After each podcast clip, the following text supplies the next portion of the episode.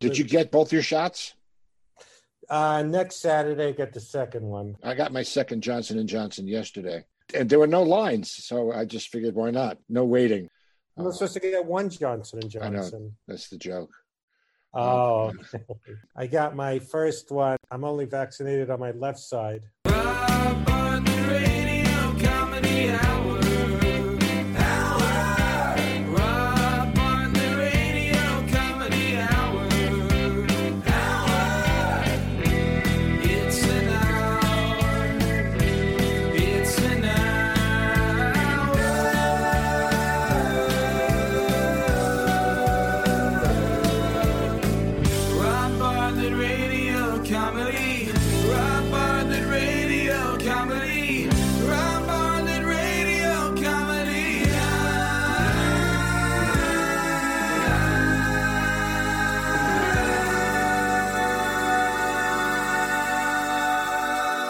Welcome to the Rob Bartlett Radio Comedy Hour, boys and girls. I am Rob Bartlett. This is my Radio Comedy Hour, Season 5, Episode 8. And the reason why it's Episode 8 is because I couldn't post last week's bonus song parody, COVID 19 Nervous Breakdown, uh, unless I gave it an integer. So it had to be Episode 7, even though it's, you know, four minutes. If you haven't heard it yet, though, give it a listen. It's relatively amusing. Find it where you found this episode.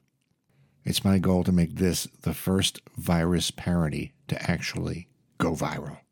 This week, my continuing series of interviews with some of my dearest comedian friends, as well as the two gentlemen with whom you're about to hear me speak, my dear friends Bill McCarty and Fred Stoller.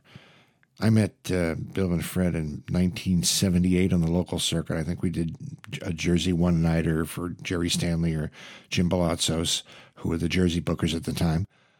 I have some very fond memories and have a bunch of great stories from working with both of them at the legendary comic strip in Fort Lauderdale, where we actually all lived together in the comedy condo from hell.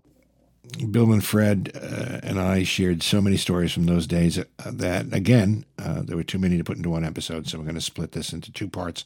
I'm telling you, I hadn't seen Bill or Fred in a long time, and yet it was like we had just seen each other last night. Picked up right where we left off.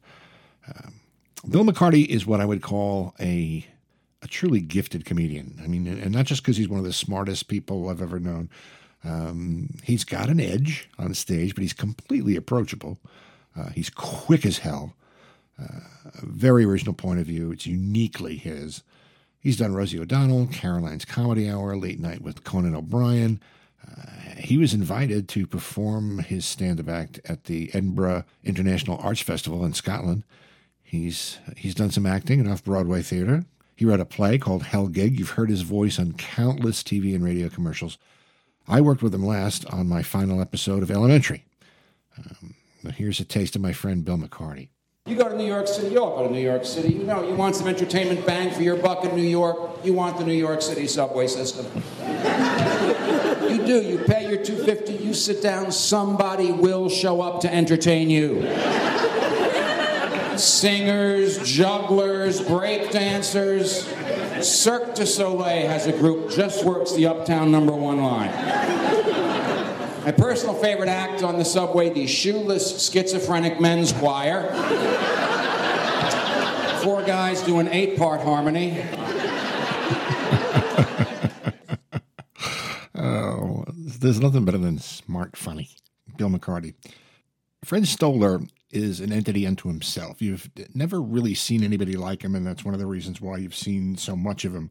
He's done literally everything. Uh, you know him as cousin Gerard and Everybody Loves Raymond. He was in Dumb and Dumber, you know, the infamous phone booth scene.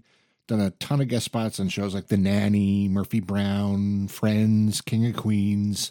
Uh, he was on Seinfeld, classic episode. He plays the guy that Elaine meets at a party, and he remembers everything about that night except for her. Uh, that's Fred.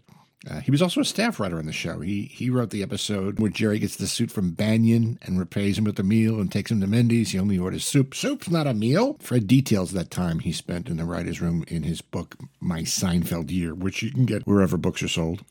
Which I guess means don't try to find it at like a surgical supply store. I mean, where the hell else would you buy a book where books are not sold? His song Thrill Seeker was one of Dr. Demento's funny five favorites. Here's a little bit of Fred Stoller. You know, when I become really well known in a few years, you'll be able to say, wow, I saw that guy before he killed those eight people.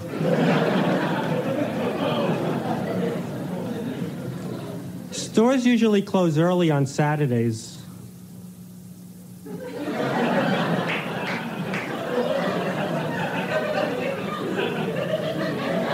You think that joke needs more?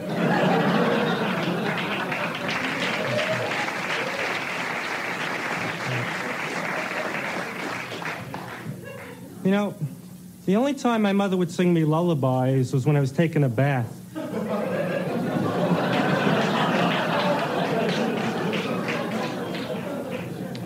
My father's not the brightest. Last year, on a cross country trip in a car, we see a hitchhiker holding up a sign, Wisconsin. My father pulls towards him, Oh, we're here already.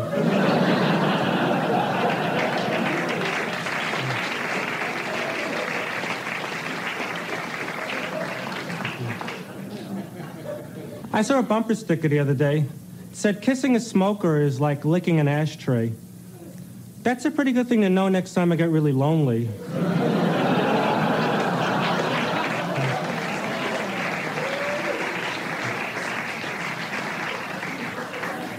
I remember the first time I heard Thrill Seeker, I laughed so hard it actually hurt. It was like Oh. it was like the first time I met you, Fred. It was you, me, and Carol Leifer were doing a, a Jersey gig, and I picked you guys up at the Improv, and we drove out, and you you were unlike anyone I'd ever met before, and I thought to myself, this poor guy, they're going to eat him alive. I mean, how the hell? Because you were just very shy.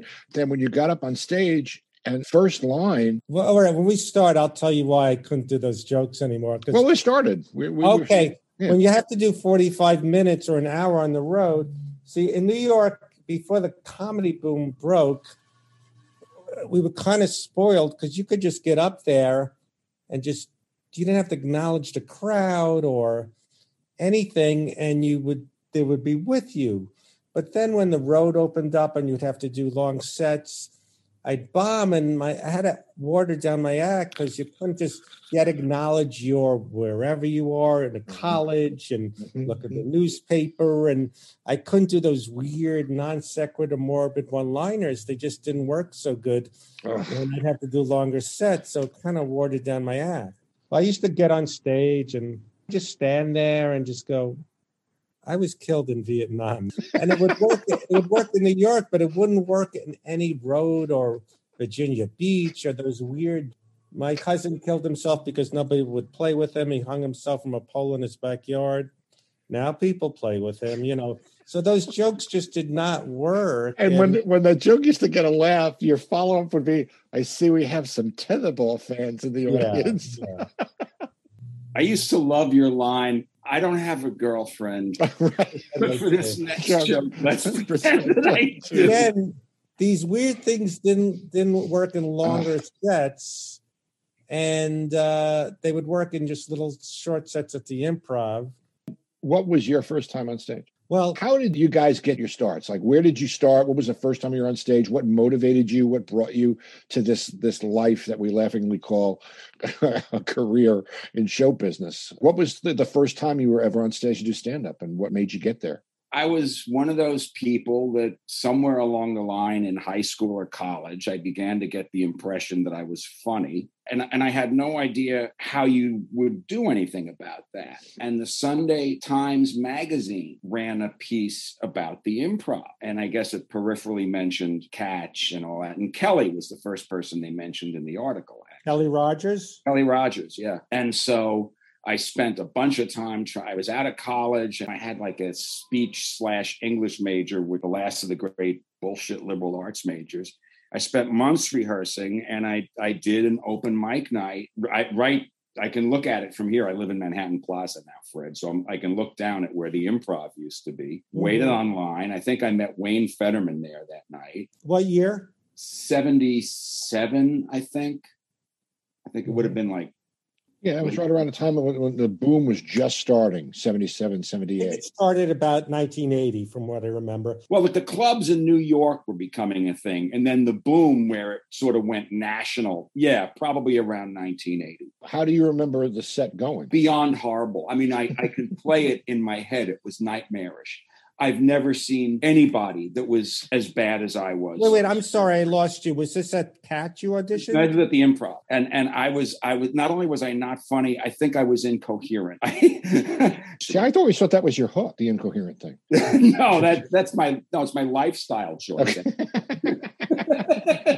so if you had such a horrible experience, what made you go back? I have no idea. Because I had horrible experiences for several months were you auditioning every Sunday? I was auditioning at the improv. And I don't know if that point they let you come back every Sunday. It might have been once a month, but I'd go to good times and good times. Oh man. The, the good times. And a couple of other play. I probably wound up going out to Pips in Brooklyn mm-hmm. on Wednesdays. And the first time I ever got a laugh was an open mic night at a place that turned out to be basically a black disco. And they had an open mic night and the guy before me tanked horribly horribly. And so i went up and i had this bit i used to do about superman and, and i adapted the opening line. I said well there's one person i've always felt sorry for aside from the last white guy up here. And they howl you know and, and it just it carried me it got the momentum going through the set and i sort of learned my first comedy lesson that night, which is, you know, if you can't say something funny, say something true. Yeah. And then maybe something funny will grow out of that. It was kind of a lesson I learned that night. Anyway, to cut about nine months of open mic into one, it was the end of the year or the beginning of the next year. I think it was like January or something, I guess and I just thought, okay, I have this. I pulled the number for the strip, and I just thought, this is it. I, this is my last one. I can't. I can't. I just can't anymore. I don't know what I'm doing. This is horrifying. And uh, Jerry, Jerry Seinfeld was the MC that night. This is how long ago that was. And uh, at the end of my set, he said, "So, do you want to hang out at the comic strip?" And I, it was like someone threw me a lifeline, and he remembers that as well. That's kind of yeah. cool. First of all, shockingly, I was very, very depressed as a kid, and I was not funny. I, I never talked. You know, when we started, there wasn't such a thing as comedy nerds, where people, you know, watched comedians and all the cool ones. You know, obviously, we didn't have YouTube, we didn't have the internet, so people weren't as versed to comedy. I didn't know what I was going to do with my life. I knew it was going to be in the real world.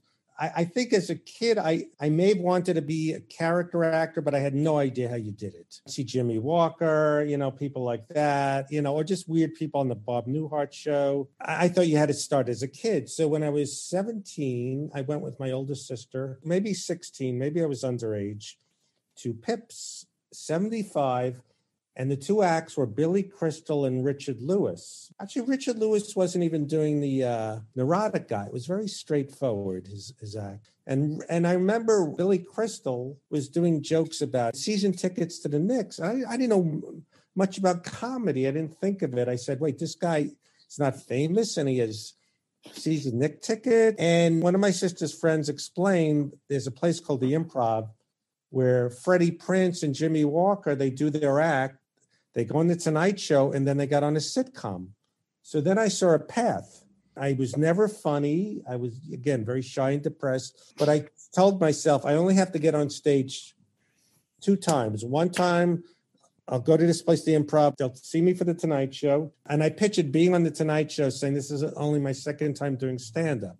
so it's never a yearning. It just, it was just a path that I was made privy to. You know what I mean? Mm-hmm. So I went to summer camp when I was 17, and the whole eight weeks I'd rehearse this act. And it was so lame because I would study like Jimmie Walker, and I thought you had to be from a bad neighborhood. And, you know, I, I just study Richard Pryor, Jimmie Walker, you know, about being from the ghetto. Wait, wait and, a minute. I have a question. You said you sorry. went to a summer camp. You were a counselor, right? I was a waiter. Okay, okay. Place like near Monticello. A waiter at a summer camp. it was such a very upscale because I went there as a camper, and then waiters pay half price, but they get to shoot baskets. It's so stupid. You work as a waiter and you pay half price to And the go. kids never fucking tip, I'm sure. Oh, yeah. so I prepared, and my- my jokes were so lame. Like, I'm Fred Stoller. If you never heard of that name, you're deaf because I just said it. You know, all just so lame. Or I would talk about how bad our neighborhood was. You know, like I said, I would just listen to uh, Jimmie Walker or Freddie Prinze, and I didn't know about good times. I just went right to the improv, and I, I would hang out. And some people I remember, I think D.F. Sweedler would wait on the line. Judy Orbach would uh, run Sunday. She was the gatekeeper. She would run Sunday night auditions. And I did it for about six weeks. I lived at home and it was too much for me to handle. But what I remember is one night someone was laughing ah, and she goes, I feel sorry for this guy. And my jokes were so lame, but in hindsight, they were laughing at me. And I quit for three years. And then I said, you know, and I didn't know what I was going to do with my life. Man, three years wasted. I, I should have stuck with it. I'm 20. I'm old now. This was 1978 uh, uh, when I came back. then I said, I, I should go back, but three years wasted. I'm old. I made it like, you know, I was 50. So then I, I, I went back to the improv and I waited online. And again, I remember same people, uh, D.F. Sweedler, uh, he was there. Uh, actually, Steve Buscemi used to call himself Stephen Buse, and I I went up really late, and I actually did well, but it was the corniest jokes. I think they were just supportive of me. You know, I went up really late, and it was and Robert Wuhl was the MC. I thought like David Brenner, you had to wear a gold chain. It was so stupid. And so then he said, um, Robert me, goes, see the guy in the front who was Chris Albrecht. He said you could start hanging out. So I would hang out and every three weeks go up after Gilbert Gottfried. So I never did the good times. I just would sit at the improv.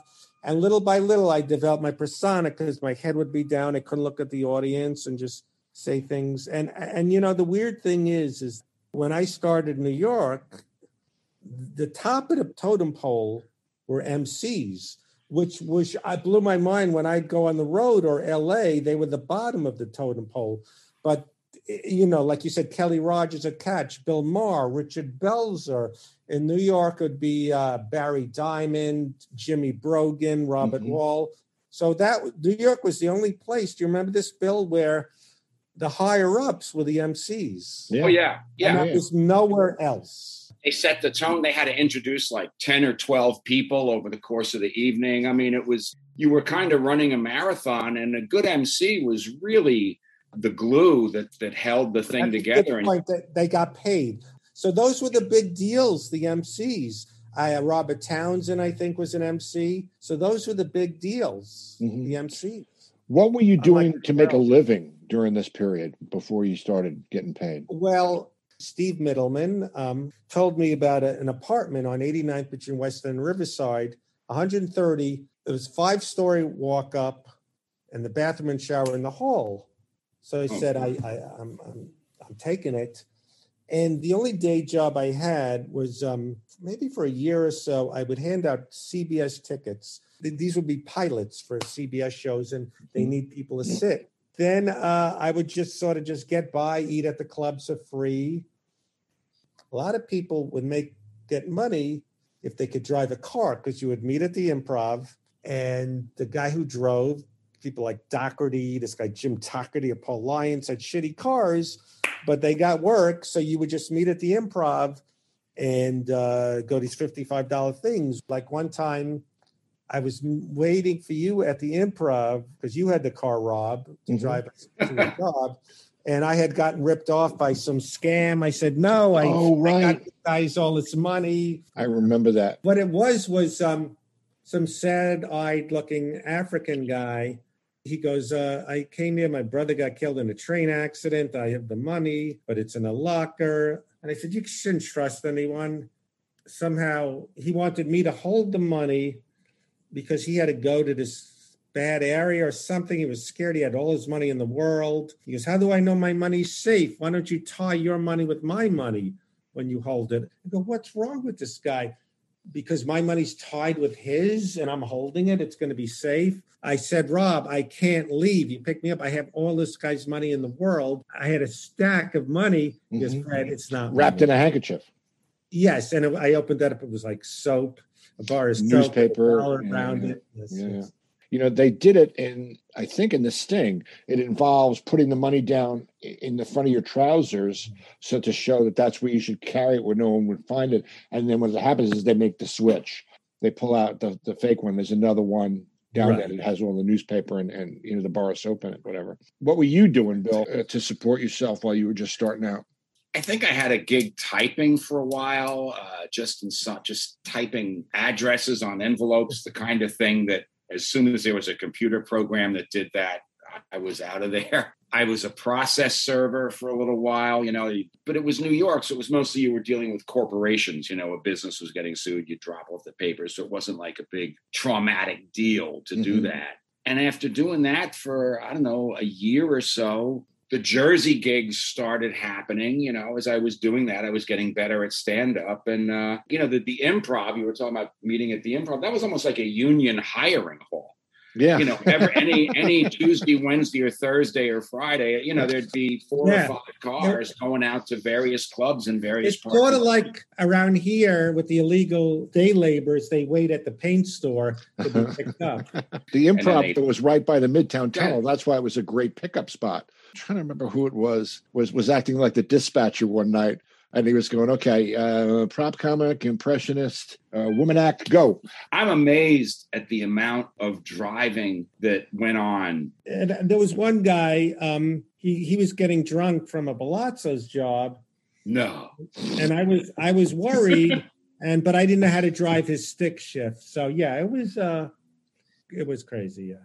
I was I was in a car once coming back from a gig at Pips. Here's the gig. It's me, Rita Rudner, Mhm. and Uncle Dirty. Oh my God! Yeah, I I mean, what an eclectic show. Dirty is driving. We're on the belt. We're coming back afterwards.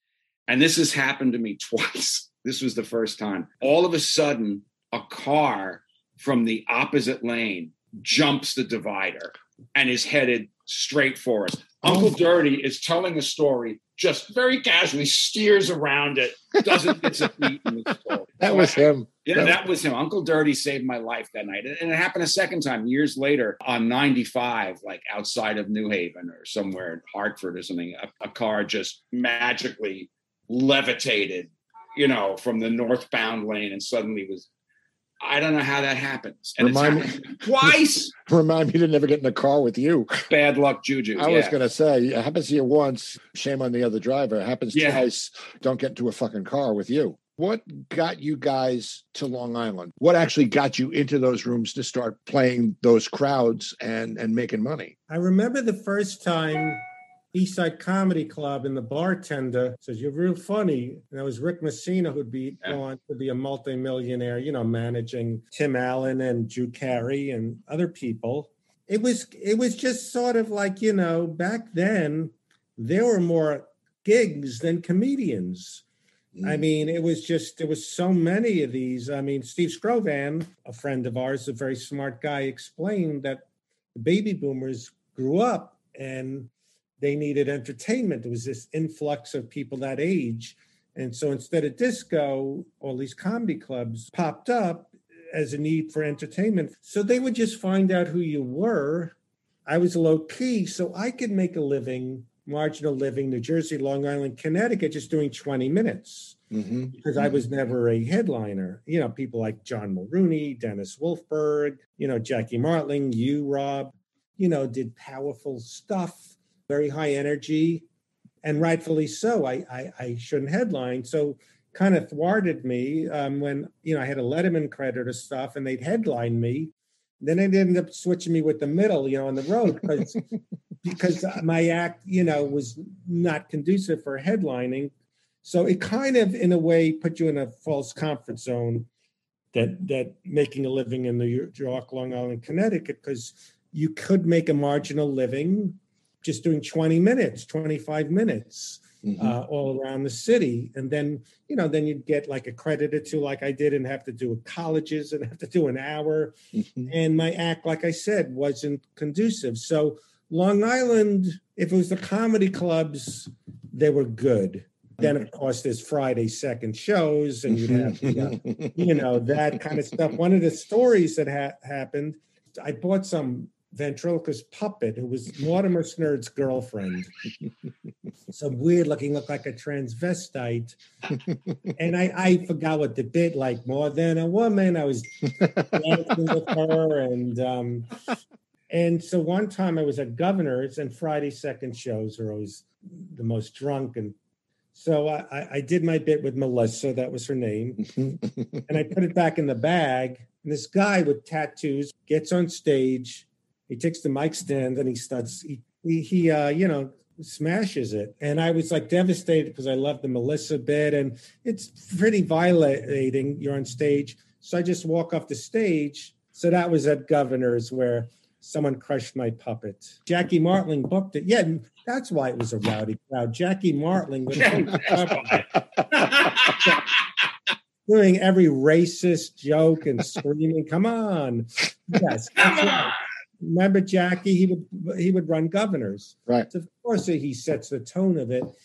And then Richie Tienken was this tough Irish guy who ran the comic store. Goes, yeah, let me take a look. I can maybe fix it. I think uh, ja- Jackie felt bad and gave me 50 bucks for the yeah. doll hospital. Yeah. what was the first island club that you ever worked, Bill? It was the East Side. It, uh-huh. it was definitely the East Side Comedy Club. I heard the pieces you did with Jackie and Minervini, and and it was so clear what a community you guys had out there. Uh, you know, getting to see and work with you and Bob Nelson and Woods, God rest his soul, as they yeah. say. If there was a difference between New York and Long Island, I would say that New York City comics, and this is a very broad generalization, and Fred doesn't even fall into it particularly because Fred kind of straddles both worlds. New York comics tended to be a little bit more monologist types. There was a huge influence in the city by Robert Klein, by George Carlin, you know, Fryer. You guys, there was more of a, a silly factor to it, I mm-hmm. think, and mm-hmm. and also people doing characters. Now, Fred, of course, straddled both worlds. He got the character and he's got the monologues. But that was a kind of a, if I were to say it, just a sort of a very broad, mm-hmm. with a lot of exceptions kind mm-hmm. of difference I observed. It might be that. So most Long Island comics didn't hang out in the New York clubs, I guess. They no, I mean we had no reason to because we were all making a living on the clubs out on Long Island, and we we were running the show out there because we were the first ones to really pick up the mantle and and give people on the island a taste of what had been going on in the city for years and years and years and years. And we always thought that you guys in the city were so much more serious than we were. You know, we all aspired to to be real comics like you guys were and then once we started working, there was that trade off where you guys would come out to the east side and then you'd put in a good word for us at the strip or a catch. And we, we wound up, you know, washing each other's hands that way. And and then I realized that we were all exactly the same. We were no, all we aspired to make real money like you guys did you did. You know, so it, yeah, yeah. Now that I think of it, and maybe I'm generalizing, but they were more like Kevin Sullivan, more mm. like killer headliners as opposed to subtle like I was, or yeah, monologists. They were more just put on a show, you know, big thing. Well, I think the audiences were also very different. I think a Long Island audience, like, like I don't think Kevin Sullivan would have done so well in the New York clubs. No, I agree. That's that's what I mean. He a Long Island act? I thought he. Yes, yes. that's what I'm. I mean, one of his jokes was some nice and white satin. Whites in Manhattan never right. reaching the train. Negroes that mug them take their gold chain. Uh, I mean, yeah, it seemed that the Long Island comics were more more like boat acts. You know, there were more ventriloquists. There were more impressionists. There were more prop guys. There were more oh, guys. With, yeah, and guys with guitars. You know, like Kevin Sullivan. Well, for example, a great guy, but a magician, John Ferrantino. Right, right, things right. like that. Comedy Yeah. magician, right? They were more of Well- that variety style, I guess. That's why we thought you guys were more serious than we were because you were you were But you intent guys on. had to do 45 minute sets to uh, literally bridge and tunnel. And we were, like I said, in, in the city, more subtle, more like jazz clubs. Right, right. Because I think the audiences, and and you know, I'm probably going to get a lot of hate mail for this, but I thought the audiences in the in the city mail. were more sophisticated. They were also a lot more difficult to impress.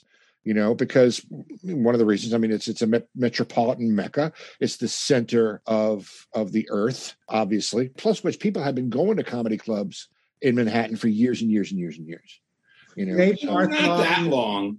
I think the improv probably when when when would the improv have started? The Yeah, but they, they were around. They were around in the seventies. they were in Right, the late exactly. 70s, late That was- sixties. I thought. I thought the improv Yeah, was they around in had the late Robert sixties. Klein. You know, all those kind of you know people at Catch was around in the seventies, so right. it, it was sort of like you know, uh, like I The said, improv, my- the improv really started as an after theater hangout. The Yes. improv was a place where you know, have whoever was in a show, they'd go to the improv, Right, and you know, like Dust- after you know, show. The classic thing I always heard was, you know, Dustin Hoffman would be playing piano behind Right. somebody singing. You know, Right. 1963, the improv started. wow, okay, Bud Friedman started the improv in 1963. And exactly like that, like you said, Bill, it was a place for people in the theater community because it was in Hell's Kitchen, 44th and 9th. It was a perfect place for people after the show to go yeah, to to have a drink or whatever and commiserate. And Like, then, of for course, this one will get on and sing and or do something, Like, you know. a Long Island guy. Now he's out here, Don McHenry. His Mhm, whole bit was he had a pooper scooper, like a fake hand, and mhm, talking mhm. about pooper scoopers. So Mhm. yeah, you had more of that. And You know, very Yeah. prop heavy, very prop heavy. I mean, I started out with a suitcase on Long Island. You know, Bobby Bobby used a suitcase. I think his entire his entire time when he was on Long Island. You know, Frankie Pace.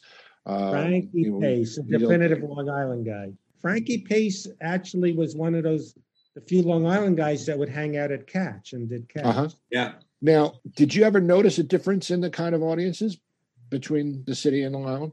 You know, by the time I think I was doing Long Island, the boom is happening, and I think that I think that sort of became a lot more homogenous. That was my impression. It was. I, I didn't. I didn't think it was a huge thing. Mhm. because at that point there was a lot of back and forth and if if anything probably having something that was a little more silly or showy probably gave you a leg up on the road Mhm. you know going Well, that, that's but that's a, a nice segue because w- All right. what was the first road gig you ever did, and how did you get into that I think Garvin's was my first weekend. In, in DC? guess or wait, you mean road where you you you slept overnight? Like yeah, yeah. uh, Actually, like go. probably I mean- Washington. They were I think before Scheider, I think maybe Kelly Rogers was booking Mhm, Garvin's or Mhm. someone, or maybe Larry David, mhm. something weird, but I did Garvin's. I can't remember my first time who it was with. Either the late Mike McDonald uh, from Canada, no, or I don't remember, but I remember taking the train, the Yeah. Amtrak. Yeah, i did a gig in philly with it, it wasn't an overnighter but it was with elaine boosler Oh wow.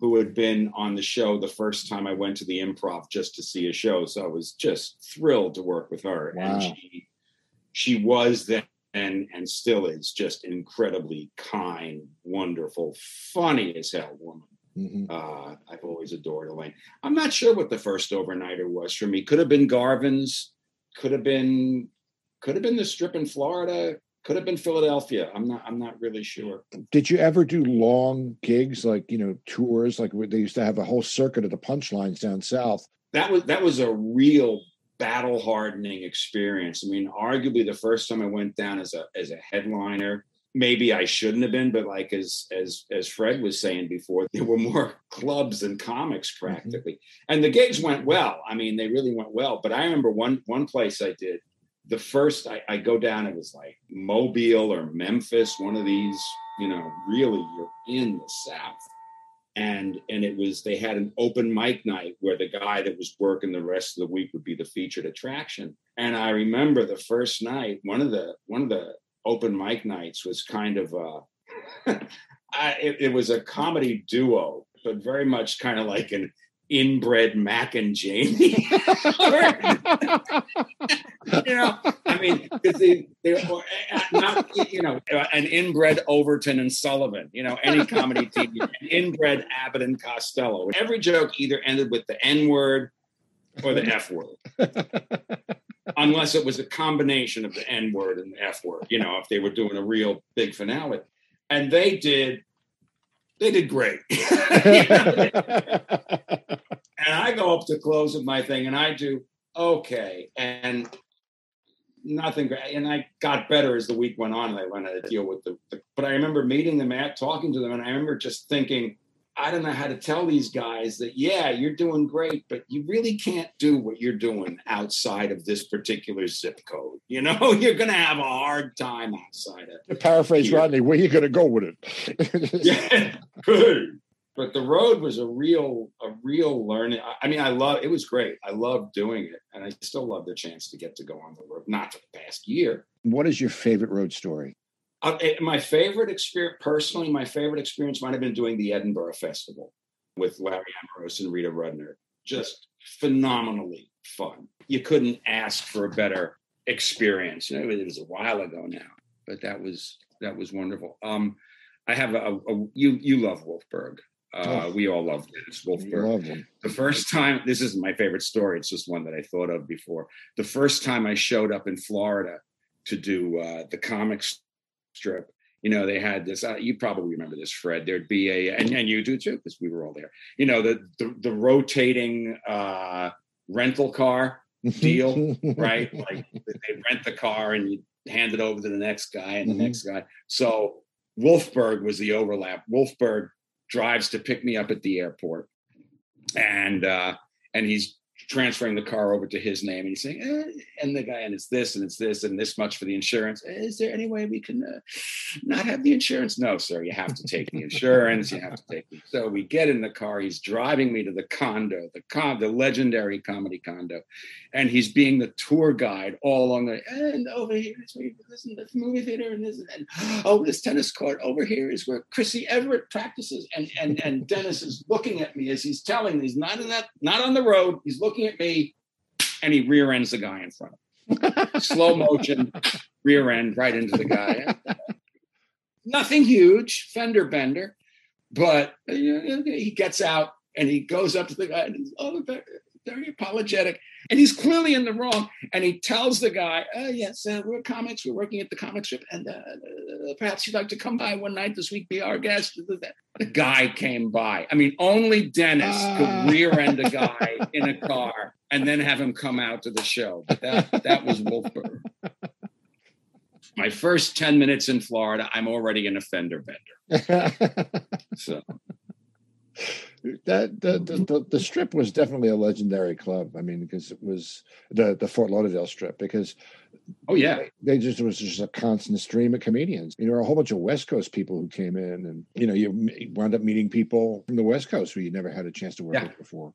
And there was always someone sleeping on the couch in the living room, right, and you know, maybe on the porch. I mean, it, it, it was just it was a bus terminal of comics. I, I worked with so many people there over the times I was there. I remember Fort Lauderdale. Eddie was just on Marc Maron, I guess, plugging Coming 2 America.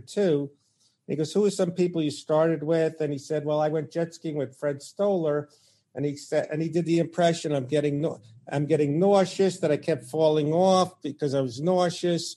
When you'd fall off the jet ski, it would circle round. circle you like a shark. Right. Yeah. Right. Yes. And I that was me too. I was like constantly falling off and you try to grab it with one hand and if you grab the accelerator right. yank your arm out of its socket. Because it wasn't like the ones they have now that you sit on like a motorcycle. These you had to stand on but we were in the intercoastal waterway and so there was a current. So you just like kept getting further and further away and going I, underneath the overpasses as traffic I was, and I was going people on the boat help I'm getting nauseous from the exhaust. From the exhaust. Don't run me over people on the boat me, you, Eddie, and Bill, Rob, mm-hmm. we were there two weeks. I remember there was no air conditioning. We slept in the Florida room because by that time the club had been in existence, I guess, over a year or so, and comedians had trashed it to the point where the air conditioner broke. They just refused to fix it because it would just break again. So the only air conditioner was like a little window unit in the Florida room. And I remember we could contact like whatever the National Enquirer is now. Say we slept with Eddie Murphy. That's right. Well, I literally, I literally shared a bed with Eddie. It was Jackie Martling, Richie Minervini, myself, and Eddie. We drove down to Garvin's in DC because Rich Scheidner was booking it, and we couldn't get Rich to book us. So we actually went down to audition, and we got a room in the hotel across the street. We got one room with two double beds. And so Martling and Minervini were in one bed, and Eddie and I were in the other bed. And um, Eddie made me sleep on top of the covers because he wouldn't he wouldn't allow me to get under the covers with him. But what, what I'm confused about, we were there two weeks, and Right. there was that night Rodney came in and watched us, Right. and he said to me, "You take too many liberties, okay?" And and, and he said to Eddie, "Where are you going to go with that?" I stuff?" remember. I know. I remember that. But Very what I'm good. confused about is we were four of us there two weeks, but then did one of us did one of you guys leave? Because I remember Mike Reynolds came down and Ross Bennett came down. So did, There used so to be kind of overflow. You know, I There was, there was an do drinks. overflow. Right. and then invariably people that lived in Florida would wind up staying there. And, Mhm. and if, if anyone had a couple of days off, I remember Mike Reynolds who sadly, you know, took his life. He was supposed to come, but then he got arrested for dealing blackjack. Oh, right. So- In the After Hours Club. Yes. And then this guy, well, he changed his name a lot Eddie Strange, Ross Bennett. But I remember hanging out with him. So mm-hmm. I guess he was good. He was the overlap. do either of you guys have any pictures from that, by the way? I think I have a picture of Fred and I on the couch. Um, where I'm Yes, stabbing him in the stabbing head. in the head. I Yes, that stabbing him in the head. They- Uh, oh, that was one of my jokes. I, I'm Right. having fun. This reminds me of the night I got stabbed in the head. and yes, you have a picture of us on the condo. I think I have that one. After Fort Lauderdale, just a few weeks later, he got SNL. well, that's that's the famous story. Is that I I went was the last down. job. I went down with him. Uh, it was his first time. It was my second time, I think, down at, at the comic strip. And um, the night before, we had been with Bobby Nelson uh, at Lincoln Center because Bobby had he was he was signed to APA at the time, and his agent got him a shot on Merv Griffin. Merv Griffin, I guess, used to do a couple of weeks on the East Coast every year, and he used to do it from a theater in in Lincoln Center. And so I think it was Minervini, myself, and a couple of the other guys were were in the in the green room and his manager came in and you know basically gave him the the uh, on the waterfront speech you know it's just uh, you're getting bumped you know tonight's not your night. Um you're getting bumped. And then he asked if we knew any black comics who could you know who could audition because they had i guess signed charlie barnett and then discovered charlie was illiterate Right. so they couldn't they couldn't use him and so the next day i was going down to lauderdale and i'm sitting on the plane with eddie and i said you know they need a black guy for for snl and eddie the minute we landed, got on the phone to Richie and Bob at the comic strip and told them, "You got to get me an audition." And he auditioned, and they kept him hanging for at least four months. And he went he went back two and three times, and he was just getting so frustrated because they just kept, you know, and he wouldn't hear from them, and then all of a sudden they would call him again, and so finally they decided they were going to have him in, but just as a featured player. But he only did that, I think, for maybe two three weeks, and then they had him as a primetime player um, right after that because he's, Mhm. you know, as we all know, he was born for that show. You know, he was, Yeah. I remember Eddie down there. The, the couple of things I remember, a bunch of things I remember. He bought a lot of sunglasses. He Yes. had this thing about buying sunglasses. He Right? shoplifted some. Yes, He Shop- shoplifted some. He yes, Did he? Yeah, he actually there's a picture of him with I think four or five sun sunglasses on were the ones that he had stolen from uh, from the Macy's or whatever. or And he or was the very Piggly much Wiggly. a, Eddie was very much a creature of habit. He would find the one place he liked to eat, and Yeah. and, and that was it. Well, that's that's a, Fred. You could tell the story about the the Well, we Waffle were- House. I don't know where we were, at Denny's or somewhere, having breakfast, and they put the toast in the middle, and I went for it because that's my toast, and he smacked my hand. Um, I thought it was just communal toast, so I always remembered that. Do you remember the first time you ever killed? I well, it was that time I told you about in the black disco. that was the first time I, I, I would have what I would call the kill. Aside from that, I don't know, probably at the comic strip. But of course, your level for that raises once you've done it. You want it to get funnier and and, and funnier. Fred, when did you move out to LA? And what brought you there? What made you decide to do that? The story I tell is, you know, in LA, to move out here was so scary. And ideally, you want to be plucked. Very scary to just move to LA and start here. But uh, what happened was in 87 ish, there was a short lived show. Uh, David Brenner, I, you know, the older you get, every story is the late David Brenner, the I late know, I know. you know, every Yeah. every reference is you know the late you know some Mike Reynolds, but uh, David Brenner had you know a failed late night talk show Mhm. sketch show. I did my act on it, and I was supposed to be the Chris Elliott of it, and I did a few of them, and that led to a guy uh, William Morris. I knew a guy Fred Suss. I just got let go, but the cachet of being a writer on the David Brenner show back then, I guess William Morris, you know, they would take the newer, younger, which you know we were not so green guys like Lou DiMaggio. So, so they would have like a bunch on their roster, you know, uh, William Morris. So, so I was on their reel. So they used me. Dom DeLuise had a show, a syndicated show where he's your barber and you do your act pretending he's cutting your hair. Then there was some stupid show. George Florida from Laugh-In had the laugh machine where you would do a few minutes of your act. It was a, one of these syndicated kind of failed shows. What happened was a comedian named Stevie Ray Fromstein, I knew from Canada. I had the opportunity because I was w- with William Morris to audition for pilots. So he said you could stay with me for pilot season. And but then a week or two, two weeks of me staying there, he goes, I don't want the company. Could you go leave?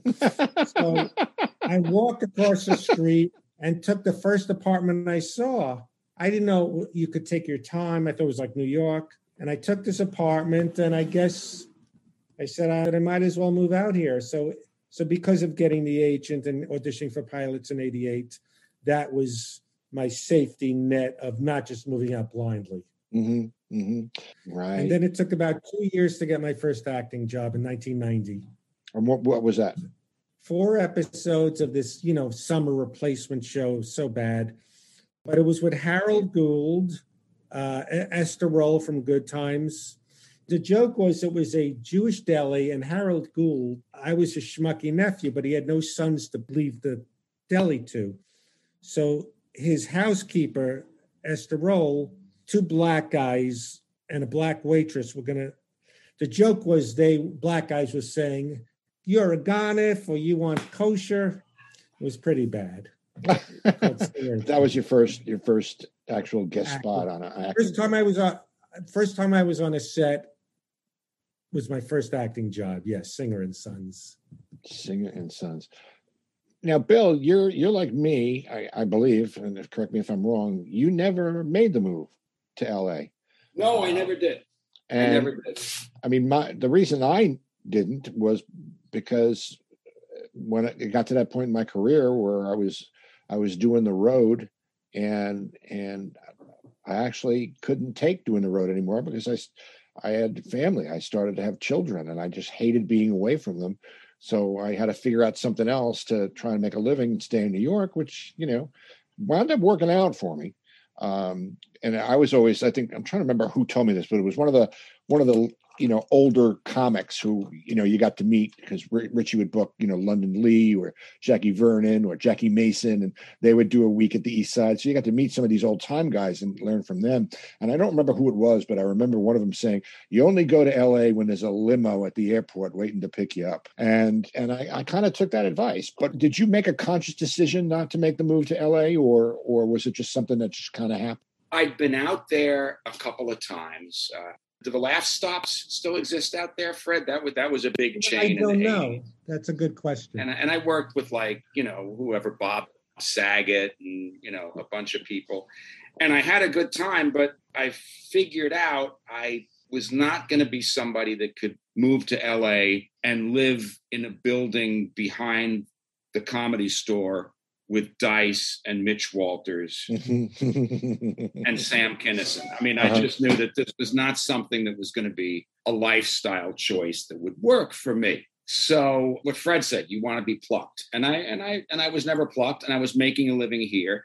And then I met my wife, you know Patricia. I met my mm-hmm. wife, I think you know that I met my wife at Garvin's and she is an actor and we just wound up making a life here. I thought at some point I might wind up out there. I think at some point she might still wind up out there. She still works. I still work, but it just sort of became okay. We are, you know, we're New Yorkers. I'm, I'm not going to live with Mitch Walters, and and of course, you know, we discussed this the other day. The things that happen, you know, you you wind up doing stand up, as you said, Fred. It does become a path, and it, becomes an entree to other things. I don't know if Fred knows this. I had a pretty good run doing voiceovers and commercials and all that thing for for about 10 or 15 years and wound up in a community very much like the stand-up community except it was during the daytime and instead of the clubs you'd wind up at you know just voices for an audition or beth melsky's or the Flair. and i'd run into people from stand-up there jim gagan from gagan and fine was someone who had Sure. a voiceover career jane gennaro who i don't know if you guys remember Yes, from the comic sure. strip Sure. who's who's who's a very good friend of mine now. Um, Sarah Krieger, who used to be a singer at Catch, has had a tremendous career in voiceovers and commercials. So that happened, and then that went on for a while, and I wound up just doing some background work for a couple of years. So you, these things, all while still doing stand up in the Mhm. midst of it, you know, that being kind of the thread that runs through it Mhm. um, but I never did make that trip. You know, you you you were asking about a, a funny story before. I know this is weird. Could I run to the bathroom? Yeah, of course. He should have raised his hand. Why didn't he raise his hand? Rob? You know, Don't he wait would have. for me. You can tell your story. Okay. All right. So um, there's a lot more stories with Bill and Fred and me on the next installment of the Rob Bartlett Radio Comedy Hour History of Long Island Comedy, which drops next week. That's what your kids say today, right? My pod drops next week. You crazy kids with your interwebs and your tic tacs and your industrial strength fentanyl. Anyway, Fred should be back from the bathroom by that time.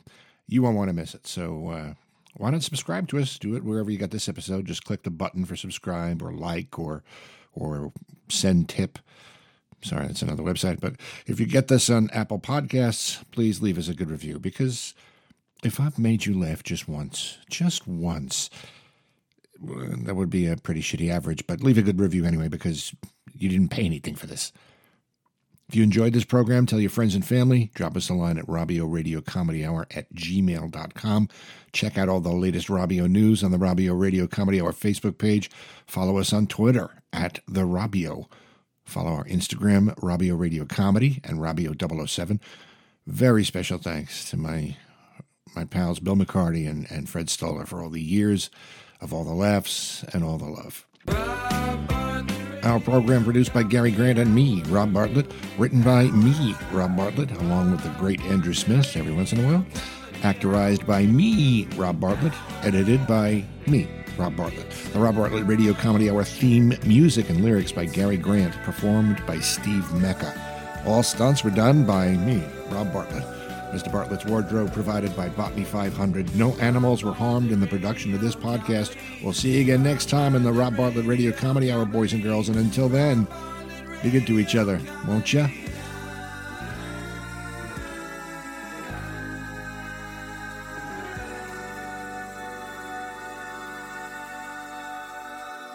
Hi, I live on the edge.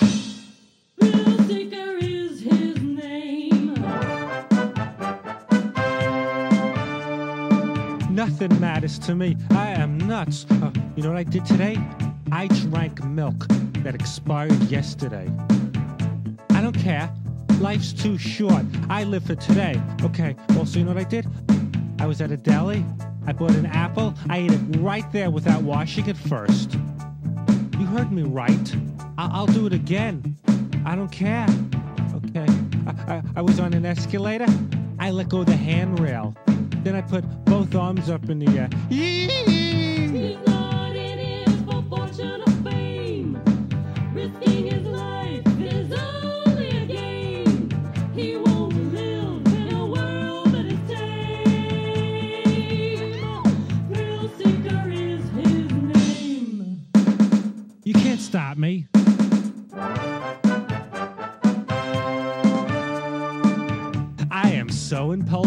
I bought a pen, I didn't even need it. I just saw it, picked it up, and bought it without planning it out because I am so spontaneous. I live in the moment. The pen was 79 cents. I gave the cashier 80 cents and I walked the hell away. I said, keep the penny. To her, I said that. I am nuts. Oh, I was on a bus. While it was in motion, I talked to the driver. You heard me right. I went swimming right after eating a tuna fish sandwich. He's not in it for fortune or fame. Risking his life is only a game. He won't live in a world that is tame. Thrill seeker is his name. I rented a movie. I'm not gonna rewind it. I mailed a letter to my friend. I didn't jiggle a mailbox lid to make sure it went all the way down. I did the TV guide crossword puzzle in a pen, not a pencil for erasing. I went jogging in my jeans, not my sweatpants. I live on the edge. You can't stop me. Woohoo! Rowdy! I'm confident. I'll take you down with me. I'm topical. Yes. Okay, Fred, that was great. We'll be in touch.